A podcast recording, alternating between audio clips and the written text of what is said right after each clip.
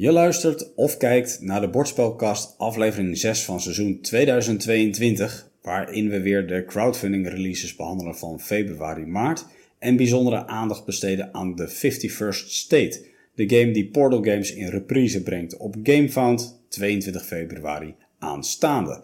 En dat doe ik vandaag alleen, uh, dus laten we maar direct van start gaan.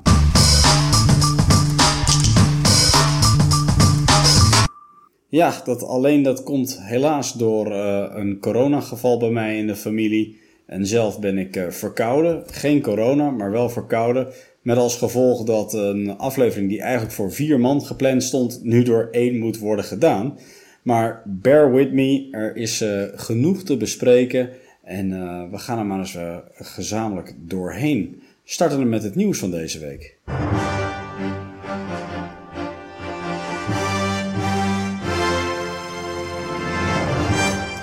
Dat geeft mij de gelegenheid een rectificatie uit te voeren zonder uitgelachen te worden door William. We moeten het namelijk nog een keer over Gaijin of Gajin hebben. De game van Awaken Realms, die verleden week nog hernoemd werd naar Outsider. Ik zei Outcast, maar de juiste titel is Outsider die men de game uh, opnieuw toekende. Maar ook die naam, daar mag een streep doorheen. Wat wil nou? Awaken Realms heeft uh, nog eens een keer goed onderzoek gedaan naar de titel. En heeft de community daarbij betrokken en heeft een, uh, een wedstrijd of een vote eigenlijk uh, uitgeschreven.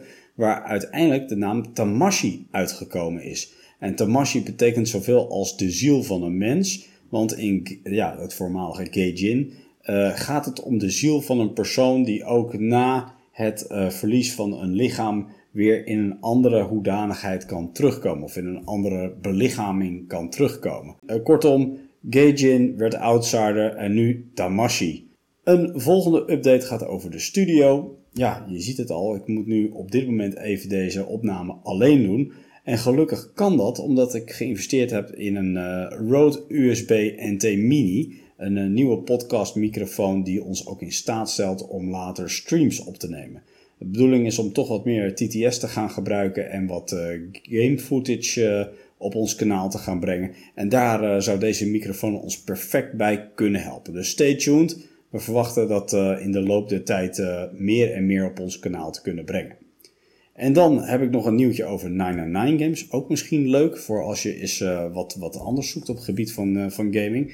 999 Games zoekt namelijk reviewers. Je kunt je aanmelden tot en met 13 februari om een van de volgende games te reviewen. Dat is Ga voor 20. Semilio Dieren, Juicy Fruit, Don Juan, Anno 1800, een game die wij in de collectie hebben, Catan Breinbrekers, Wonderboek en de avonturen van Robin Hood en Bonanza. En uh, ja, je kunt je aanmelden onder andere uh, via Facebook. En uh, ja, dan word je uitgeloot om een van deze games mogelijk te gaan spelen. Dus mocht je geïnteresseerd zijn, ga je daar vooral inschrijven. Wij van de Bordspelkast hebben in ieder geval onze inschrijving reeds voltooid. Tot slot in het nieuwsblokje. Onze grote vriend William is eh, binnenkort jarig. De 9e februari eh, mag hij weer een extra kaarsje uitblazen. En nou uh, wil ik jullie oproepen, nu er toch niet bij is, om eens een postje achter te laten onder zijn YouTube-video's of bij ons op Facebook bijvoorbeeld. Dat zal William erg leuk vinden om dat eens te lezen allemaal. Tot zover het nieuws. We gaan door naar de crowdfunding releases. De crowdfunding campagnes zijn wederom geselecteerd door de Special Flex Boardgame Community. Dat is een gemeenschap waar Willem en ik onderdeel van uitmaken. En uh, daarin worden wekelijks bordspellen gespeeld die veelal aangekocht zijn via crowdfunding campaigns. Uh, spellen gericht op volwassenen en meestal in een fantasy setting. Dit blokje hebben we opgeknipt in afgelopen campagnes, lopende campagnes en toekomstige campagnes. En uh, laten we maar starten met kijken naar de producten die uh, afgelopen zijn. Starten we met Yucatan, de game van Matago Games. Dat was een area control game met miniature combat. Doel van het spel was om de goden te eren door offers te brengen. Kon je doen door eigen mensen te offeren, maar liever nog de tegenstander te offeren. En uh, die game die, uh, heeft het uh, toch best goed gedaan. De campagne eindigde op 1 februari jongsleden en haalde uiteindelijk een funding op van 325.000 euro. En een week geleden was het nog net iets over de 2 ton heen. Dus ja, de laatste week heeft de game toch behoorlijk goed gedaan.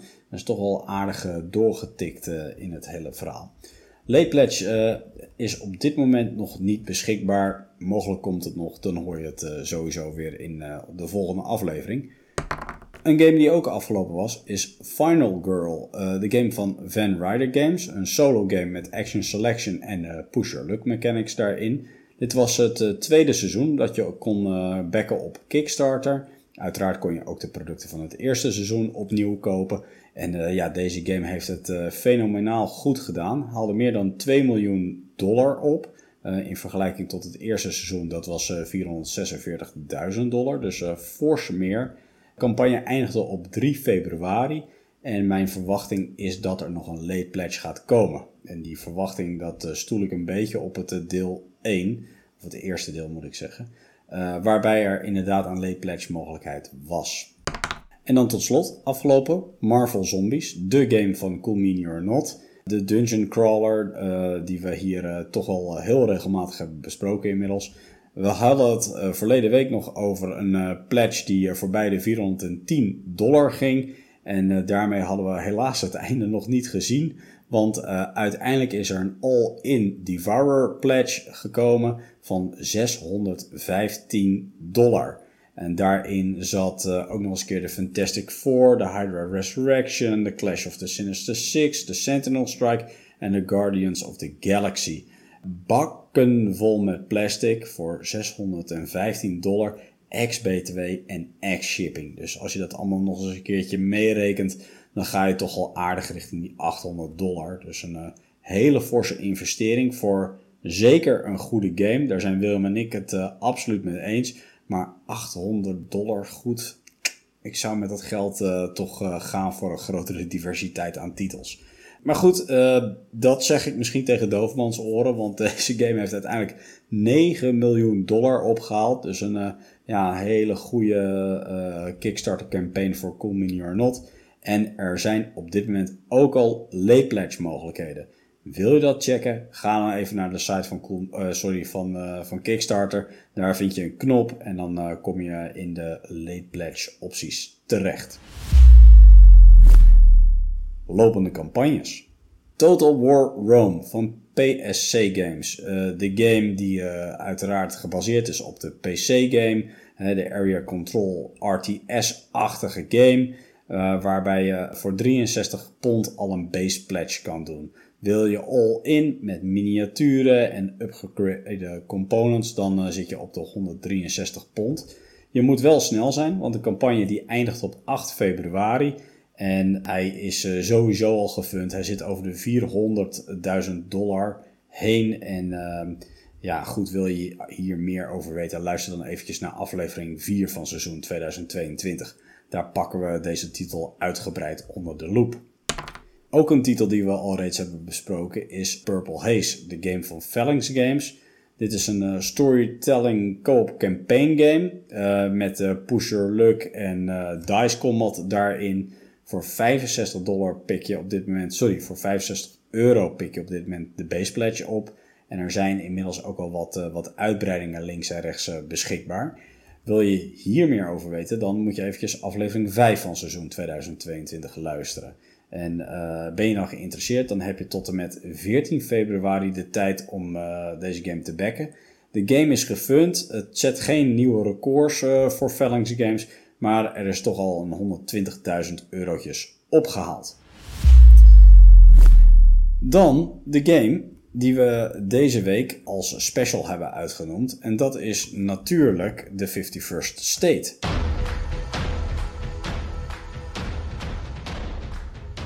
Dit keer zonder trailer helaas. Dat komt omdat we nu nog een preview maken. Uh, de campagne van 51st State gaat op 22 februari pas live op GameFound. Dus uh, tot op heden is er nog niks beschikbaar. Maar goed, we denken dat we een goede preview kunnen maken. Want de 51st State Master Edition uh, zit in onze collectie. En bij deze komende campagne gaan we veel elementen uit die Master Edition weer terugvinden. Ook nog een aantal oude add-ons die destijds zijn gebracht. En een uh, volledig nieuwe add-on die uh, Portal Games heeft ontwikkeld. En uh, dat nogmaals op 22 februari op GameFound. Nou, mocht je de 51st State niet kennen, die game heeft hele grote gelijkenissen met Imperial Settlers, mocht dat bekender klinken.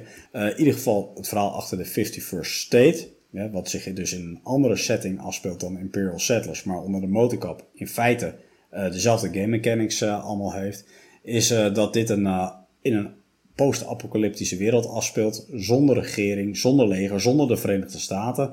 En verschillende stammen bevechten elkaar om een nieuwe staat te gaan stichten. En uiteraard wil jij daar de bovenliggende partij in zijn. Nou, om een staat te stichten heb je allerlei dingen nodig. Je hebt mensen nodig, je hebt resources nodig, je hebt bepaalde gebouwen bijvoorbeeld nodig. En die, ja, die ga je gaandeweg het spel toevoegen aan jouw staat. Uiteindelijk is het doel van die game om victory points te vergaren. Dus uh, naarmate je dingen toevoegt, zul je in punten gaan stijgen. Um, uiteindelijk degene die de meeste victory points heeft, die wint die game logischerwijs. En bij 25 punten dan uh, wordt er een endgame trigger eigenlijk geactiveerd waar, waarna de punten worden opgeteld. De game is in Europa op dit moment lastig te verkrijgen. Een van de redenen waarschijnlijk waarom Portal Games deze game opnieuw gaat uitbrengen. In Amerika kun je hem nog wel vinden. En mocht je een doosje op de kop kunnen tikken, dan uh, zou je eigenlijk niet meer dan 40 euro ervoor moeten gaan betalen. Voor een Master Edition wel te verstaan. Want daar uh, ging hij destijds voor over de toonbank. Mocht je zo'n doosje hebben, dan, um, dan zou je daarin vinden. Nou, sowieso een aantal faction boards. Uh, vier als ik me niet vergis. Met een aantal asymmetrische facties. Je vindt er verschillende kaartjes in terug. ter grootte van standaard speelkaarten meeples en resource tokens. En die resource tokens, daar heb je weer een deel uitgevoerd in hout en een deel uitgevoerd in punch-out cardboard. Ik loop misschien een beetje op de dingen vooruit, maar ja, waarom nou een deel in hout en een ander deel in punch-out cardboard? Kies dan voor alles in hout. Dat maakt het net even een master edition of een collector's edition, of dat maakt juist de luxe feel. En uh, dit, uh, dit beschouw ik al meteen als de eerste gemiste kans van deze game. Maar goed, Misschien uh, dat dat uh, in de komende campagne wordt rechtgezet. Wat doet die game? Belangrijker misschien is, uh, nou, deze game onder de motorkap. Het is een engine builder, tableau builder gecombineerd met resource management. Je moet je voorstellen dat alles wat je wilt doen of alles wat je wilt bouwen bepaalde kosten met zich meebrengen. Je hebt verschillende grondstoffen en verschillende dingen kosten een verschillende mix aan grondstoffen. Voor het een zal je bijvoorbeeld uh, stenen nodig hebben en voor het volgende zal je weer wapens nodig hebben voor weer iets anders fuel of een combinatie van, uh, van dat soort zaken. En daarmee ga je uiteindelijk uh, dingen bekostigen om aan jouw staat toe te gaan voegen. En dat doe je eigenlijk steeds in vier fases die weer uh, ja, per ronde weer terugkomen. De eerste fase is een lookout phase. Van een gezamenlijk dek worden een, uh, een aantal kaarten opengedraaid. Dat is uh, gelijk aan het aantal spelers plus één. En de eerste speler mag daar een kaart van pakken en toevoegen aan zijn hand. Gevolgd door degene die dan clockwise naast hem zit. Die mag het dan doen, enzovoorts, enzovoorts, enzovoorts. En dan vervolgens vindt zo'n ronde nog een keer plaats. Maar dan starten we met de laatste speler en een contra-clockwise. Dus iedereen heeft min of meer wel een goede kans om uh, mooie kaarten te pakken. Die lookout phase wordt opgevolgd door een production phase. Dat is de fase waarin je grondstoffen vergaart. Vergaren van grondstoffen gebeurt enerzijds aan de hand van je faction board. Want uh, elke factie die heeft een eigen grondstof waar ze meestal wat beter in zijn. Dus het kan zijn dat uh, de factie van mij erg goed is in fuel bijvoorbeeld, terwijl die van uh, William misschien weer erg goed is in uh, wapens of iets dergelijks. En naast je faction board zijn ook de kaarten die je toegevoegd hebt aan je kolonie vaak nog van belang bij het vergaren van resources. Of deals die je hebt gesloten, die kunnen ook nog zorgen voor bepaalde grondstoffen. En dat is uiteindelijk je kapitaaltje die die beurt ter beschikking hebt om dingen te gaan doen en te gaan bouwen. En dat doe je uiteraard allemaal in de action phase. Hè? De, de, eigenlijk de grootste, belangrijkste fase binnen, binnen het spel. En die action phase die gebruik je eigenlijk om allemaal acties uit te voeren, zoals de naam doet vermoeden. Een groot deel daarvan bestaat uit het bouwen of developen van, uh, van je kolonie. Dus kaarten uit je hand spelen.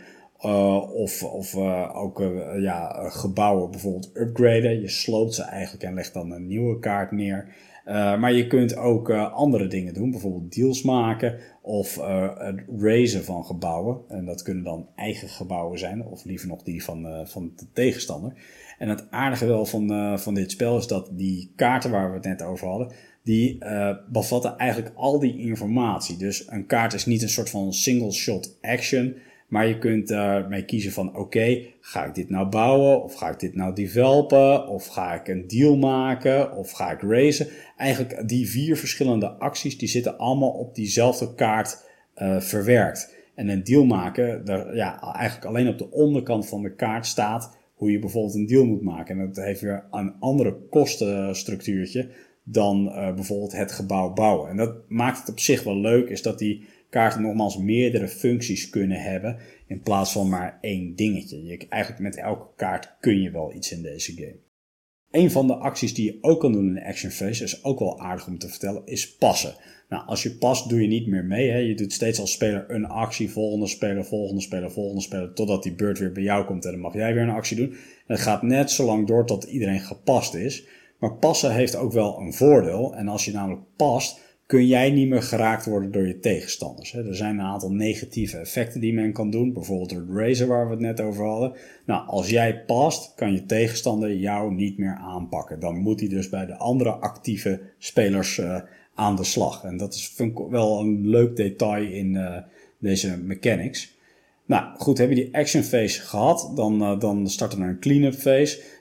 Ja, niet heel noemenswaardig, behalve dan dat alle resources die er vergaard zijn, gecleaned worden. Dus had jij nog een stapeltje aan fuel liggen bijvoorbeeld, jammer voor je, die ben je kwijt.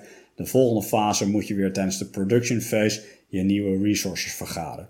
Er zijn een aantal gebouwen die hier een uitzondering op bieden, maar in de regel is het eigenlijk alle resources die je over hebt, weg ermee en je stal. Er start de volgende ronde weer met fresh resources. Wel een leuk, uh, leuk detail. En ja, in die vier fases ga je eigenlijk dus dat spelletje door. En um, afhankelijk ook van welke add-on je speelt, is dit een wat meer op jezelf bouw je koloniespel of een inderdaad na je buurman spel. Je kunt uh, eigenlijk hierin doseren in hoeveel interactie je wel of niet in die game wil hebben. En dat is wel een, uh, een leuk punt van, uh, van de 51st State.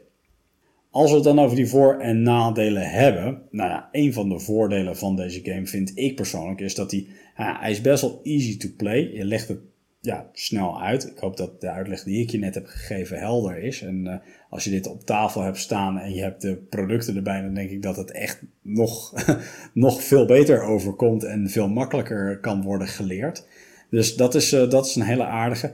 Plus de speelduur van het spel is ook niet zo heel erg lang. Als je hierin geoefend bent, dan speelt het spelletje denk ik echt al binnen een uurtje door. En uh, voor nieuwe spelers heb je misschien nog net een anderhalf uurtje nodig. Maar ben je hier geoefend, dan moet je een uurtje, misschien wel drie kwartier, moet je wel redden om één spelletje te spelen. En dat stelt je ook wel in staat om uh, bijvoorbeeld uh, de ene keer met de New Era add-on te spelen en de volgende weer met de Winter add-on te spelen. Zodat je ja, elke game juist die variatie hebt. Dat, dat maakt het wel heel erg makkelijk eigenlijk om dat zo in te zetten. Helaas zijn er ook wel wat punten van kritiek op deze game. Eén daarvan, uh, daar uh, struikelde ik al half open, uh, over in de opening. En dat is die components. met name die tokens, die resource tokens. Waarom voer je nou één deel uit in hout en een andere deel uit in punch-out cardboard? De punch-out cardboard voelt zo goedkoop. Dat past de naam een Master Edition of een Collector's Edition totaal niet. Dus ik hoop echt dat men dat gaat aanpassen als dat die campagne straks live is. Ik heb er een klein beetje een hard hoofd in, moet ik wel zeggen hoor. Want uh, Portal Games heeft uh, eerder al Robinson Crusoe gedaan op GameFound. En ook daar heeft men wel een kansje laten liggen om die game components standaard in ieder geval te upgraden. Tuurlijk, als je extra geld betaalt kun je alles krijgen. Maar ja, ik had het toch wel standaard willen zien in die game. Dat, dat is die 100 dollar investering toch al waard, zou ik zeggen. Zijn er nog andere nadelen? Uh, ja, helaas wel. Zoals eigenlijk ook al in de opening genoemd, is Imperial Settlers de tegenhanger ah, van deze game.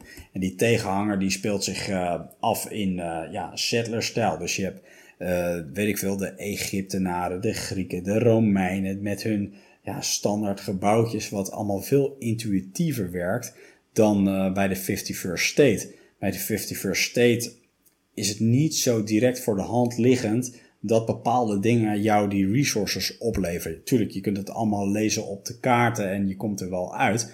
Maar bij Imperial Settlers snap je dat een, uh, een masonry jouw steen bijvoorbeeld geeft. En ja, dat ligt allemaal veel meer voor de hand. En is nog veel makkelijker eigenlijk aan te leren dan uh, de 51st State is. Dus die pik je toch net even wat sneller op. Daarbij komt ook dat Imperial Settlers het, uh, ja, toch wel het uh, iets uh, deel is dan 51st State. En dat baseer ik met name op de content die er beschikbaar is voor deze game.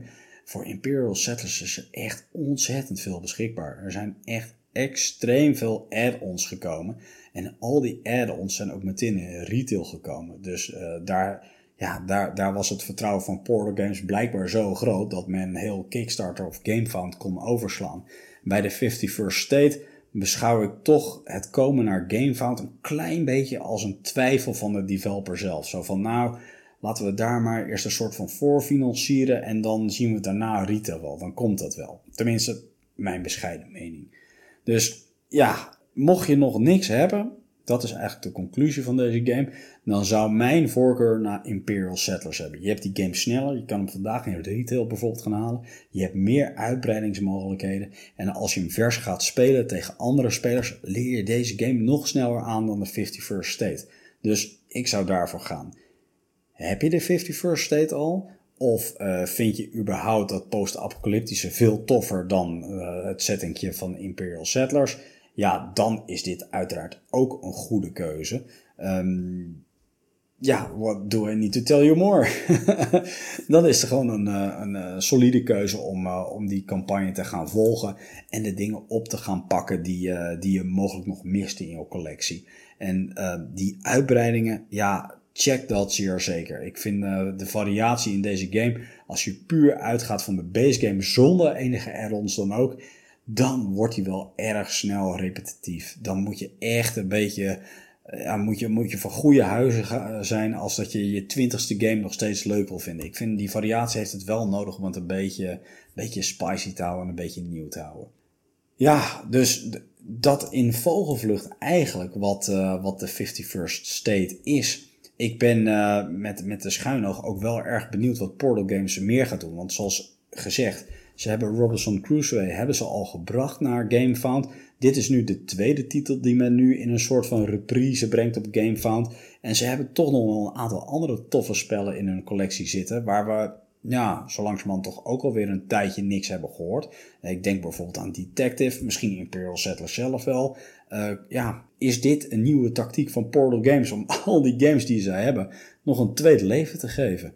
Nou goed, tijd zal het leren. Maar ik, uh, ik ben, uh, ben benieuwd. Ik ben, uh, ja, ik denk dat het een hele aardige is. Met het bespreken van de 51st State hebben we eigenlijk het blokje komende campagnes al ingeluid. Maar voordat de 51st State live gaat op GameFound, komt eerst nog blok bij blok Uprising. Een game van Out of Order Games. En dit is de derde editie van die game die gaat komen op GameFound. Een co-op game waarbij de politie bevecht en uh, wijken gaat bevrijden uit een stad. 15 februari op GameFound. Er ontbreekt mij nog enigszins wat aan informatie, maar ik zal voor de volgende keer uitgebreider naar deze game gaan kijken om je ja, uitvoeriger te informeren over dit spel. Gelijktijdig met 51st State komt Tidal Blades 2. De game van Druid City Games uh, hebben we het verleden al over gehad dat dit een dungeon crawler gaat worden met vernieuwende combat mechanics. 22 februari dus ook weer op GameFound. Dan hebben we Aldara Reborn, een uh, nieuwe toevoeging aan de lijst. Ik meen ook 22 februari dat die gaat komen. Deze game is van Arcane Minis en uh, deze game sprak mij aan omdat het zichzelf beschreef als fast-paced airship combat strategy game.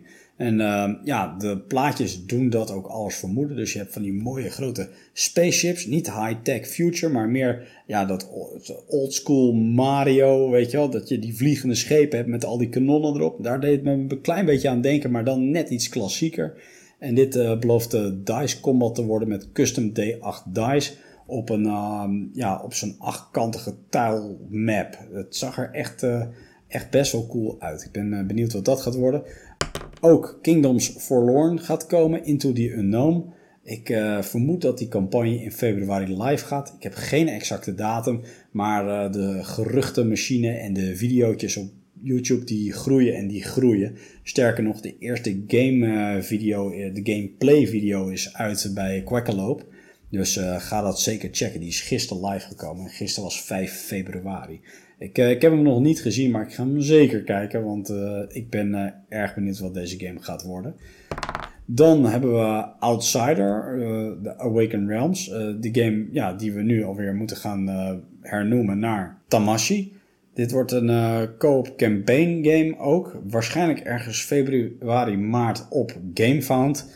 Voor de rest heb ik nog niet zo heel veel informatie. Het zag er in ieder geval wel tof uit qua artwork wat ik heb gezien. En ja, het vermoeden bestaat dat dit ook een soort van programming game gaat worden. Dus ik ben, ben heel benieuwd wat het gaat worden.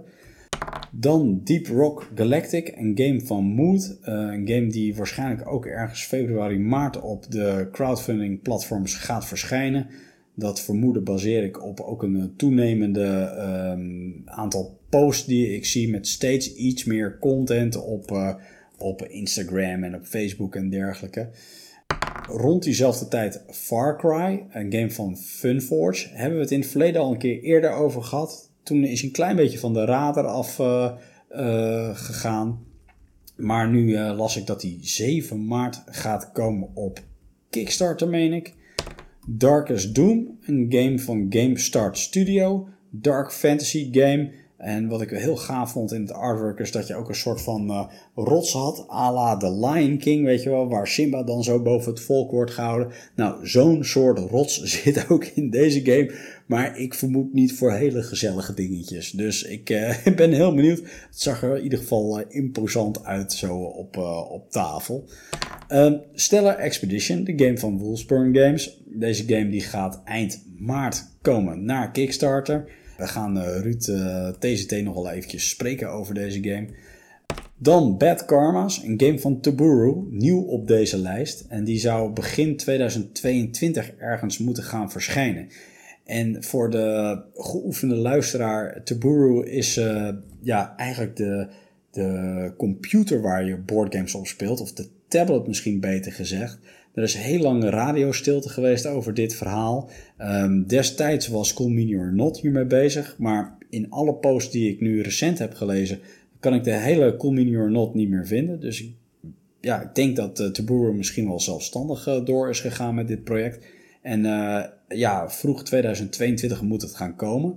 Toegegeven, de game zelf, ik heb mijn twijfels. Het voelt mij niet echt echt super spannend uit. Maar gewoon überhaupt het concept dat je op een, uh, ja, een soort van tablet gaat gamen met, uh, met uh, interactieve elementen erin, gelinkt aan je telefoon. En ja, de, de, de game die dice rolls meet en ook weet waar de stukken op het spel staan enzovoort.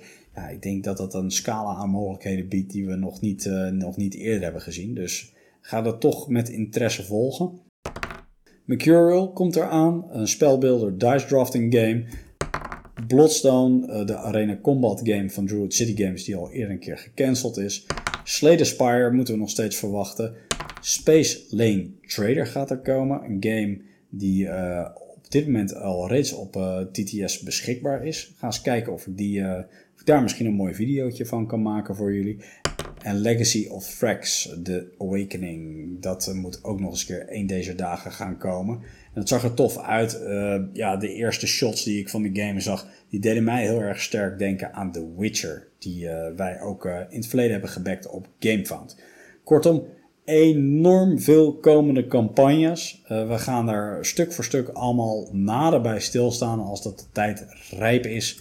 Maar dat er weer een hoop games aan gaan staan te komen in 2022, dat begint inmiddels al steeds meer een zekerheidje te worden. Nou, mocht het je duizelen van alle releases die net aan bod zijn gekomen, dan laten we de boardgames eventjes voor wat het is. En dan sluiten we af met een mooie tip voor iets wat je naast het boardgamen kan doen. En voor deze week heb ik meegenomen Life is Strange.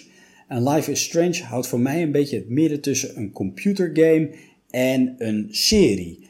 Daar waar een serie misschien wat te passief is voor mensen en een game misschien weer iets te actief, uh, zou je dit eens een keertje moeten overwegen. Uh, Life is Strange is inmiddels aan haar derde titel toe, maar alle titels zijn nog volop verkrijgbaar. Life is Strange 1 was een verhaal over een student op een campus die tijd kon manipuleren. En in die game mag jij eigenlijk de studenten spelen en jij ja, doorloopt een verhaallijn. En je, ja, je hoeft niet allerlei dingen te doen, je hoeft niet te platformen, je hoeft niet te vechten of zo, maar jij controleert eigenlijk waar het verhaal naartoe gaat. Uh, ga je die vriend helpen of juist niet? Ga je die vijand, ga je die nou, ja, ga je er keihard tegen in? Of uh, ben je wat softer en probeer je toch een oplossing met die uh, persoon te vinden? Dat zijn de keuzes die je maakt in die game. En uh, dat maakt het ook heel erg interessant dat jij eigenlijk aan het roer staat van hoe het verhaal verder gaat verlopen. Er zijn geen foute keuzes in deze game. Het is alleen van oké, wat vind je eigenlijk het meest toffe of de meest toffe verhaallijn die je kunt gaan volgen?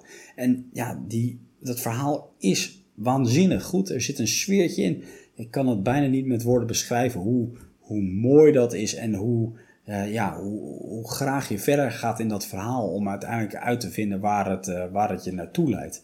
Datzelfde kan ik overigens ook over Life of Strange 2 vertellen. Dat gaat over twee broers.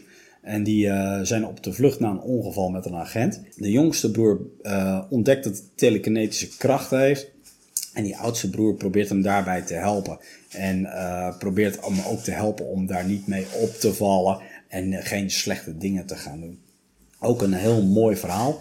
En Life of Strange 3 is net uit. Eerlijk gezegd ken ik dat verhaal nog niet.